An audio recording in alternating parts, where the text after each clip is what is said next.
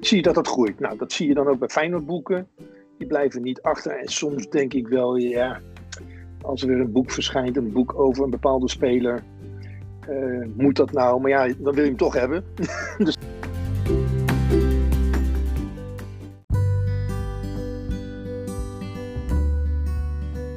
Je luistert naar de Feyenoord Boekencast. Het zal je niet verbazen, maar dat is een podcast over Feyenoord en boeken. Vol verhalen over de club, over haar oud-spelers en over het prachtige stadion. Het ene boek is nog mooier dan het andere. Mijn naam is Pieter Verkijk en in elke aflevering vraag ik een luisteraar naar zijn of haar favoriete boek. Vaak is dat een lezer en soms een schrijver.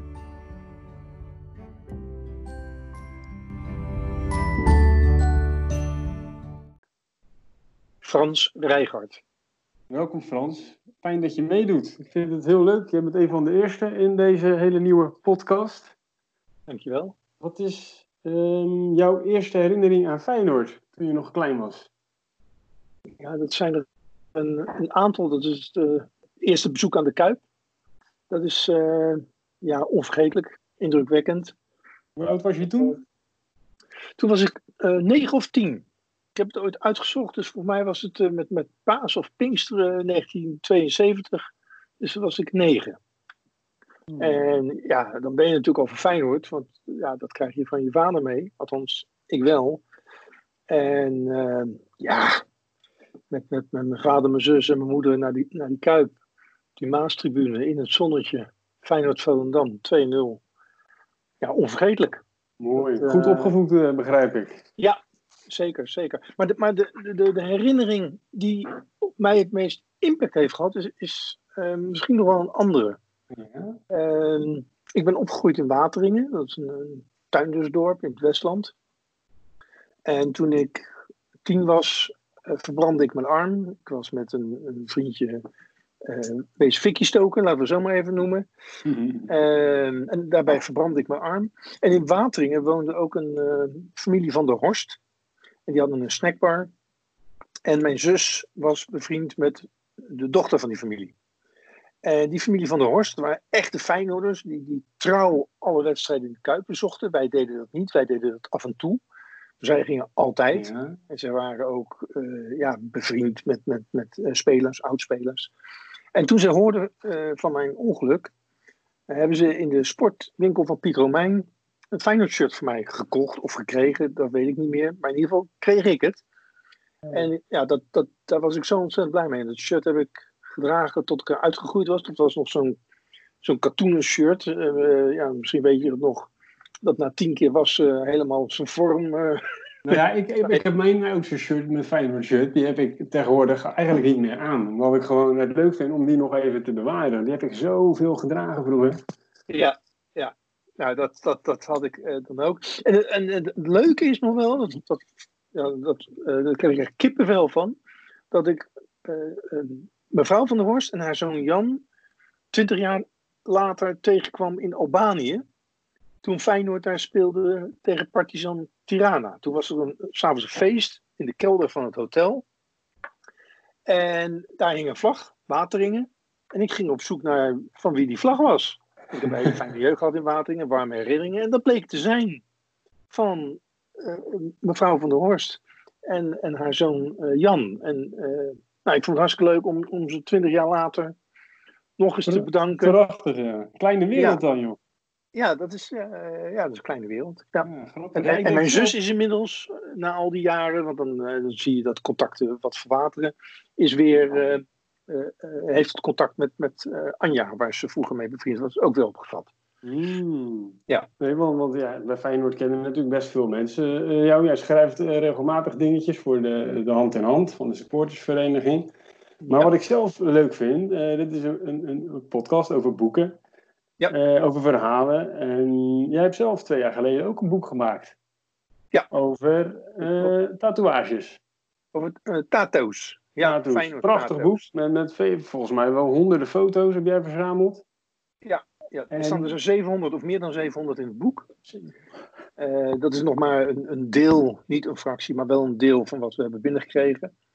Uh, Waarom ben je ja, er mee begonnen met dat boek? Want... Nou ja, dat is. Uh, ik liep al langer rond met het idee om, om daar een boek aan te wijden, omdat dat tatoeages zo verbonden zijn aan de Feyenoord supporterscultuur. Misschien bij andere clubs ook, dat weet ik niet, want er is voor mij maar één club. maar die horen daar gewoon bij en ik vind dat mooi. En ehm, ehm, na het kampioenschap in 2017 ehm, zag je dat, dat Feyenoord Tato's weer een, een piek beleefde. Want veel supporters lieten een, een, een kampioenstato zetten. Ja. Nou, dat was voor mij aanleiding om er een artikel aan te wijden in, in Hand in Hand. En uh, in dat artikel uh, riepen we lezers op om foto's te sturen van hun kampioenstatoeage. We dachten, nou ja, krijgen we er nog vijf of tien? Daar kwamen zoveel reacties op. Dat er nog een artikel kwam en nog één en nog één. Nou ja, uiteindelijk werden niet alleen kampioenstatoeages, maar ook oudere tatoeages, fijne tatoeages. Dus op een gegeven moment hadden we geloof ik tien artikelen in een heel, uh, hele jaargang. En toen besloot ik dat dat boek met fijne tatoeages er echt moest, uh, moest komen. Ja, dan moet je ook partijen hebben die het uh, leuk vinden om het, om het, uit te geven. Nou, de Feyenoorder was enthousiast en die wilde eraan meewerken. En uitgeverij Trigus wilde daar meewerken. Dus ja, dat boek is er nu inderdaad. Ja. En ja, het staat vol met tatoeages en, en ook met, met verhalen. Ja, van mij, die verhalen vind ik ook leuk om te lezen. En achterin ja. had je inderdaad een mooie grafiek ook nog opgenomen, meen ik me te herinneren. Met, met ja. van welk jaar de Feyenoord tatoeages van de afgelopen 50, 60 jaar, geloof ik. Ja. Ja, wanneer ze gezet zijn. Ja. ja, dat was wel leuk. Er waren supporters die zeiden van ja, ik heb ook wel een tatoeage, maar die is al heel oud en niet zo mooi meer. Dus ik stuur maar niet in. Uh, zei, joh, alsjeblieft doe dat wel. Want uh, ja, ik ben natuurlijk een beetje een romanticus, maar uh, ik vind juist die oude uh, Feyenoord tatoeages die, die verweerd zijn ehm, en, en misschien niet zo perfect. maar dat vind ik wel mooi. Ja. En zeker omdat iemand, iemand die, laten we zeggen in de jaren 70 of 80 een tatoeage liet zetten, of nog daarvoor. Ehm, in die tijd was dat nog bijzonder. Nu, nu is het heel gangbaar dat, ja, dat jongeren een tatoeage laten zetten. Misschien niet altijd een fijne tatoeage. Uh, maar dat was natuurlijk uh, 30, 40, 50 jaar geleden helemaal niet zo gangbaar. Dus ja. dat vind ik, vind ik het nog specialer. Ja, ik vind het wel bijzonder dat je gewoon zo'n zo, echt zo'n cultureel iets wat het feitelijk is, uh, wat je gewoon in een boek hebt vastgelegd. Want er verschijnen ja. ja. zoveel boeken over Feyenoord. En ja, ja. dit had ik nooit kunnen bedenken, dat er een boek over tatoeages moet komen. Maar hoe komt het volgens jou dat er zoveel boeken over Feyenoord komen? Heb je daar ja, een beeld bij? Um, het, is inderdaad opvallend. Uh, Boudewijn Warbroek die, die schrijft in hand in hand elke maand uh, over Feyenoordboeken. Nou, die, uh, die komt om in de boeken. Die, die zit nooit zonder materiaal voor, voor zijn rubriek. Um, ik heb het idee, maar ik heb er geen statistisch bewijs van, dat het is toegenomen, dat het in de loop van de jaren toeneemt. Um, het is dan niet alleen, zie je dat bij Feyenoord. Hè. In zijn algemeen zie je dat in de loop van de jaren steeds meer geschreven over, wordt over voetbal. Over ja, voetbal, zeker, absoluut. Over voetbalcultuur. Ik heb zelf een beetje het idee dat het over voetbalcultuur hebt, dat misschien hard gras daar een beetje mee begon. Maar nu heb je ook Santos en Helden en Staantribune niet te vergeten. En dan heb je het over magazines, online, social media, ook events. Dus dat hele voetbal en die voetbalcultuur uh, ook in de merchandising zie je dat. Uh, er zijn gewoon bedrijven die, die, die, die daarvan uh, bestaan. Um, zie je dat dat groeit. Nou, dat zie je dan ook bij Feyenoordboeken. Die blijven niet achter. En soms denk ik wel, ja, als er weer een boek verschijnt, een boek over een bepaalde speler. Uh, moet dat nou? Maar ja, dan wil je hem toch hebben. dus ja, ben, ben, jij zo iemand die alle boeken wil hebben van, van een speler? Dan hebben ze maar een jaartje of zo bij de club gezeten? Ik heb een periode gehad in de afgelopen tien jaar, maar dat had ook uh, een financiële achtergrond, dat ik dacht nou nu stop ik even. Uh, want andere prioriteiten. Maar inmiddels merk ik weer dat ja, de afgelopen maand hebben we natuurlijk ook weer gezien wat er is verschenen. Ja, dat, dat wil je dan toch wel uh, graag hebben. En, en vroeger, er zijn ook vroeger hele mooie boeken gemaakt. Vida Wolf, die, die vond ik althans, kon heel goed en mooi schrijven over Feyenoord. En Michel van Egmond kan natuurlijk heel mooi en goed schrijven. Absoluut, uh, ja. En met dus afgelopen dat... maand, je bedoelt neem ik aan die boeken over de 50 jaar uh, ja. Europa Cup 1. Ja, uh, en over de Kuip natuurlijk. Hè. Dit is de Kuip. vooral een kijkboek, maar ook met hele, hele mooie verhalen erin. Ehm, dus, dus er zit wel een groot verschil in, maar er is veel, ja. Ja. Heb jij nog een schrijver? Je zei Vida Wolf even, Michel van Egmond. Zijn er schrijvers of onderwerpen waarvan jij zegt dat ontbreekt nou echt nog in mijn boekenkast? Daar, daar moet nou eens een Feyenoord wat mee gaan doen. Uh, een boek dat nog ontbreekt? Ja. Uh, ja, dat kan maar één, één boek zijn. Dat is het, het boek der boeken over Sier Tebbenhof natuurlijk. Dat, dat begrijp je ook wel. Nee, dat is, dat is flauwekul. Ehm, nou, een boek over Wim Jansen. Ik, ik ehm, denk dat Wim Jansen een van de beste voetballers van Nederland is geweest. Zeker in die, in die jaren zeventig. Kijk, kijk de beelden van Feyenoord, maar ook van het Nederlands elftal maar op na. Um, daar, dat is een boek waard. Maar ja, ik, ik weet het niet. Maar het feit dat het er nog niet is, doet mij vermoeden dat Wim Jansen het zelf niet wil. Um, ik was vorig jaar inderdaad in gesprek met een uitgever. En die, die, die heeft ook af en toe contact gehad met Wim Jansen afgelopen tijd. En, of afgelopen jaren, moet ik zeggen. En ja, dat, dat Wim Jansen zelf de boot afhoudt daarvoor. Uh, Hij zegt niet nee, nooit niet. Maar in principe uh, echt enthousiast meedoen. Nee, dat is niet te verwachten. Schijnt het. Nee, nee. nou ja, dat, dat uh, zie je hem ook wel weer. Dat past bij Wim Jansen. Um, maar ik denk dat hij daardoor ook onvoldoende gezien wordt als de, de goede voetballer die hij was. Maar nou ja, daar heb ik waarschijnlijk uh, maling aan. We hebben andere spelers, waaronder volgens mij ook een helft van jou inderdaad, die uh, meer vooraan staat als het gaat om uh, de aandacht en de meningen geven. Wim Jansen, ja. Eh, ja, weet je, met alle respect voor Christian Gian en we weten natuurlijk ook de situatie toen uh, waarin dat boek is uh, uh, uitgegeven. De moeilijke situatie waarin hij zat. Het boek over Uli van Gobel. Ja, natuurlijk hartstikke leuk. En dat zijn natuurlijk ook helden en soms anti-helden. maar als je al die boeken op een rij zet, een boek over Jozef Kieprits, natuurlijk ook een held, anti-held voor ons Feyenoord. Als je die boeken daarnaast zet en al die boeken over Willem, mijn all-time favorite speler, dan is het gek dat er geen boek van Wim Jansen is. Nee, nou, laten we hopen dat iemand die handschoen uh, oppakt nog op een gegeven moment. Ja. En, want nu wil ik nu eigenlijk door naar het belangrijkste, Frans. Want, want ja, dit is een podcast dus over boeken. En, en jij hebt beloofd zo dadelijk een, een leuk fragment voor te gaan lezen uit een bepaald boek. Ja, dat klopt. uit welk boek ga jij iets voordragen? Ja, dat is uit, uit het boek Rotterdam Voetbalstad nummer 1. Oké. En wat maakt dan dat jij daar iets uit hebt gekozen? Ja, dat is wel een grappig uh, verhaal. Want ik, ik, ik, heb dit boek, ja, ik weet het zelf niet meer, maar waarschijnlijk ooit gekregen. Uh, want dat gebeurt soms wel als mensen weten dat je voor bent en ze vinden ergens uh, oude meuk die Feyenoord gerelateerd is. Dus nou, geef het maar aan, aan hem. of dat ik het op een boekenmarkt heb gevonden, dat weet ik niet meer. Het is een boekje uit 1969. En eigenlijk vond ik het een, ja, geen bijzonder boek. Maar het werd jaren later ineens bijzonder. En ik kan je wel vertellen uh, waarom. Ja, vertel. Uh, nou, dan gaan we even terug naar 1985. Uh, het voelt erg als opa verteld. Maar ik, ik, ik, woonde en werkte toen in Breda.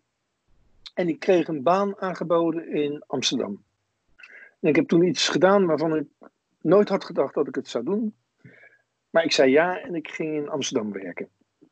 En um, ongeveer een half jaar reed ik elke dag op en neer van Breda naar Amsterdam. Uh, s morgens voor de files heen, uh, s s'avonds naar de files terug. Ja, dan houd je geen privéleven meer over. Dus ik besloot te verhuizen naar Amsterdam. En um, toen ik dat had gedaan, um, kwam ik wel eens in een kroeg bij mij om de hoek. En gelukkig voor mij kwam daar ook uh, regelmatig een andere Feyenoord supporter. In Feyenoord kringen zeer bekend. Ehm, nou, dat schept een band. En de barkeeper was een supporter van Ajax, maar die vond het wel grappig, die, die twee uh, Feyenoorders. En die ook zo trouw naar een club gingen. En, uh, het was geen haat en nijd dan uh, gelijk? Dat, nee, wel. Nee, nee, op een leuke manier, maar respectvol. en, um, hij was kind aan huis bij Ajax. Hij was bevriend met Sjaak Zwart. En uh, ja, ik weet dat er Feyenoorders zijn die als ze dit horen, nu draait hun maag om. Maar goed, het was wat het was. Hij ging ook regelmatig bij de Jaap Edehal een balletje trappen. met Sjaak Zwart. Hij heeft mij ook ooit nog eens uitgenodigd toen Wim van Hanegem daar te gast was. Dus, dus, dus dat was heel, eh, heel mooi. Maar op een dag uh, gaf hij mij een cadeautje. En ik pakte dat uit en er bleek een geschilderd wandbord in te zitten met, uh, nou, veel Feyenoorders kennen dat, dat beeld van de arm die uit de Maas komt en de kuip draagt. En, Natuurlijk. Het, het... ja, dat is, dat is een karakteristiek uh, uh, beeld. Op dat wandbord staat Sportclub Feyenoord uit eigen kracht voortgebracht. En je moet weten, dat was in de periode dat Ajax zich voorbereidde op de verhuizing naar de Arena. Dus nou ja, welk jaar hebben we het dan over? 94, 95? Ja, jaren 90 inderdaad. Ja, dus, dus um, en hij vertelde mij, ik, ik, wist niet hoe hij daar kwam en waarom ik dat van hem kreeg. En, nou, hij vertelde mij dat dat wandbord, dat hij dat in feite van de ondergang had gered, omdat uh, in de meer werd, werd opgeruimd en dat, dat stadion, uh, uh, ja, ze gingen verhuizen. En hij beweerde dat het wandbord in de meer in de bestuurskamer had gehangen en was beland bij spullen die hoogstwaarschijnlijk zouden worden weggemieterd. En hij zei daarbij dat dit wandbord ooit door Feyenoord-voorzitter Cor Kieboom was overhandigd aan Ajax-voorzitter Jaap van Praag. Maar ik moet je eerlijk zeggen, dat laatste vond ik een mooi verhaal, maar ik nam het met een korreltje zout. Dat het uit de meer kwam, dat bord geloofde ik nog wel, maar dat, dat verhaal over Kieboom en Van Praag, denk ik, hoe weet jij dat? Hij, had geen bewijs, geen akte of zo van, nee. Uh, alsjeblieft. Nee, nee, nee. Nee, en het was dat bord, dat is een relatiegeschenk van de club, wat de club wel vaker gaf uh, aan andere clubs. Dus uh, ja, weet ik veel hoe dat uh, daar in de meer terecht zijn gekomen, maar volgens hem was het een uh, geschenk van Cor Kieboom aan Jaap van Praag. Nou, fijn. Jaren later bladerde ik door het boek, dit boek, Rotterdam Voetbalstad nummer 1. Kijk, daar zijn we rond. Ik dacht al, van waar gaat dit heen? Leuk. Ja, en uh, dat, nou, dat boek is uit 1969. En ja, ik, ik, heb meer, meer dan 100 boeken, misschien wel meer dan 200 voetbalboeken. En soms pak je er wel eens één en, en dan blader je daar nog eens in. En dat deed ik ook bij dit boek. En wie schetst mijn verbazing dat op pagina 37 een foto staat van Cor Kieboom, die een wandbord overhandigt aan Jaap van Praag. Kijk. Ik wist niet wat ik zag. Dat is jouw wandbord. Nou ja, dat, dat kan ik niet bewijzen, maar de foto bevestigt wel het verhaal van de barkeeper. En ja, hoewel ik het niet met 100% zekerheid kan zeggen, of er moet er uit onderzoek gedaan worden naar vingerafdrukken van Cor Kieboom op dat bord, wijst alles in de richting dat uh, het bandbord dat hij uit de, de boedel heeft weten te redden, dat dat inderdaad ooit in handen is geweest van Cor Kieboom. Ja. Ik, heb, ik heb uitgezocht wanneer dat dan geweest moet zijn. En ik, uh, was voorzitter van Feyenoord tot 1967. En Jaap van Praag werd voorzitter van Ajax in 1964. Dus het, het moet in die periode geweest zijn. Ja, en, dat, en het boek waar die foto in staat is van 1969. Dus dat ja. klopt dan wel met elkaar. Heel goed kunnen merken. Dus, dus ja, Leuk. het is vooral de foto van Cor Kieboom met dat wandbord die dit boek voor mij speciaal maakt. Wauw. En ja. daar heb je dus ook een fragment bij gevonden, bij, dat, uh, bij die foto of bij het wandbord. Ja, ja, ik heb een fragment. Het is een lang fragment gevonden. Het, gaat, het is een verhaal over Cor Kieboom. Um, ja, Bart in het Hout wijdt een stuk aan Cor Kieboom onder de titel Atlas met humor.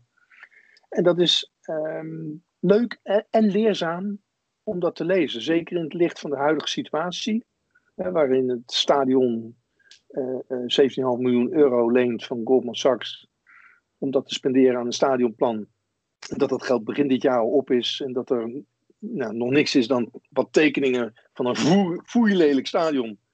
Dat er ook nog eens nooit gaat uh, komen. Maar goed, uh, terug naar het boek. Als je dan dat, dat, dat gaan verhaal, we zien inderdaad. Ja. Als je dan dit uh, verhaal leest, dan denk je, ja, dit is de ware Feyenoord-aard. Ja, je hebt het nu over geld, uh, Frans, voordat je gaat. Deze Kokkiebam was ook penningmeester nog, toch? Uh, ja. In de jaren voordat hij voorzitter werd. Juist, ja, klopt. Ja.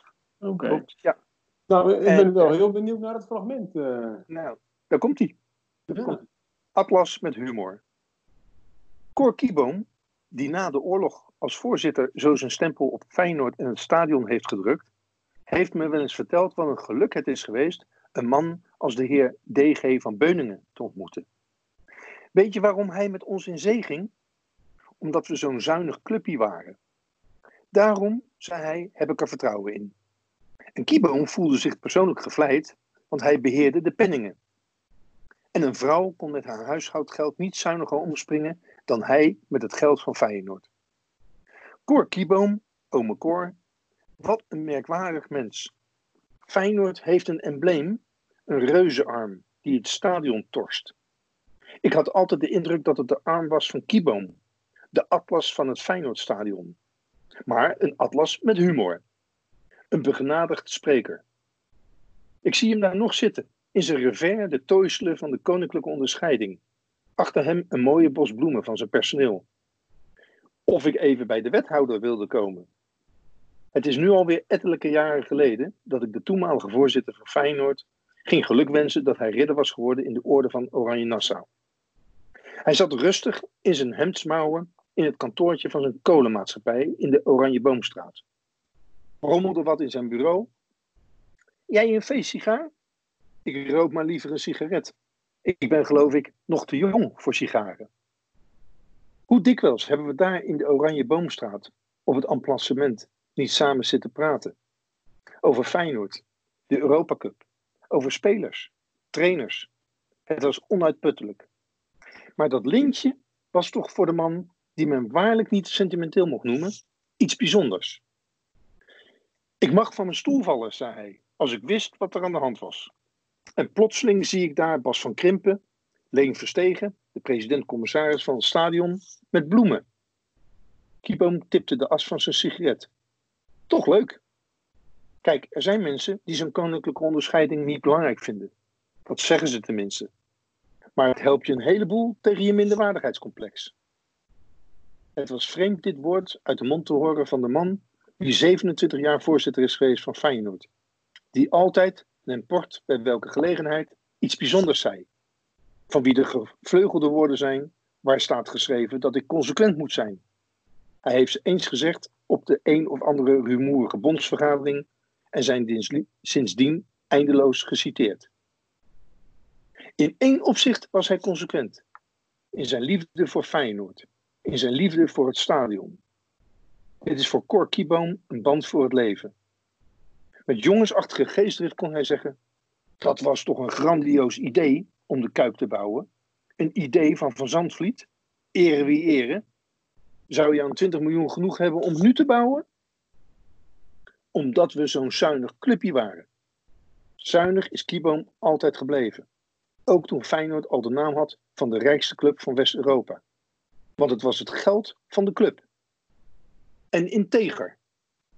Bij een of ander jubileum werd Kieboom een zilveren sigarendoos aangeboden.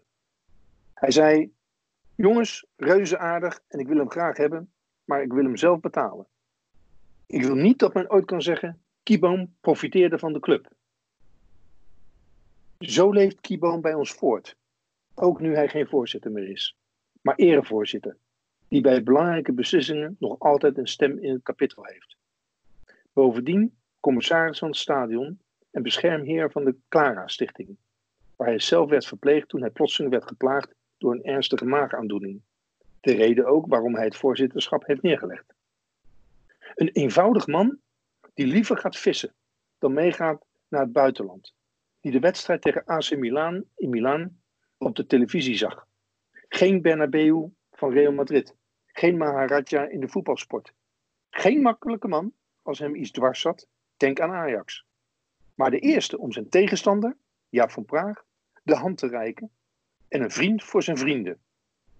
Of, zoals de Rotterdamse sneldichter S. Cohen eens van hem schreef, de boom die immer vrucht zal dragen, de boom van ongekend formaat, dat is de boom die onze dagen als kieboom door het leven gaat.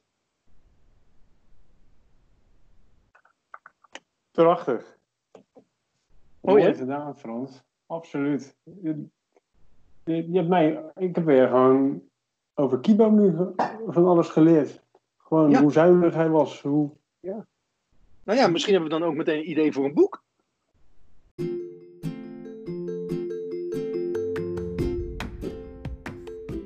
Dankjewel voor het luisteren naar de Feyenoord Boekenkast. Heb je zelf een leuk verhaal of iets dat je wilt voorlezen? Laat het me weten via Twitter of Instagram. Iedere twee weken komt er een nieuwe aflevering online en samen bouwen we zo een kanon op van de meest bijzondere verhalen over de mooiste club van Nederland.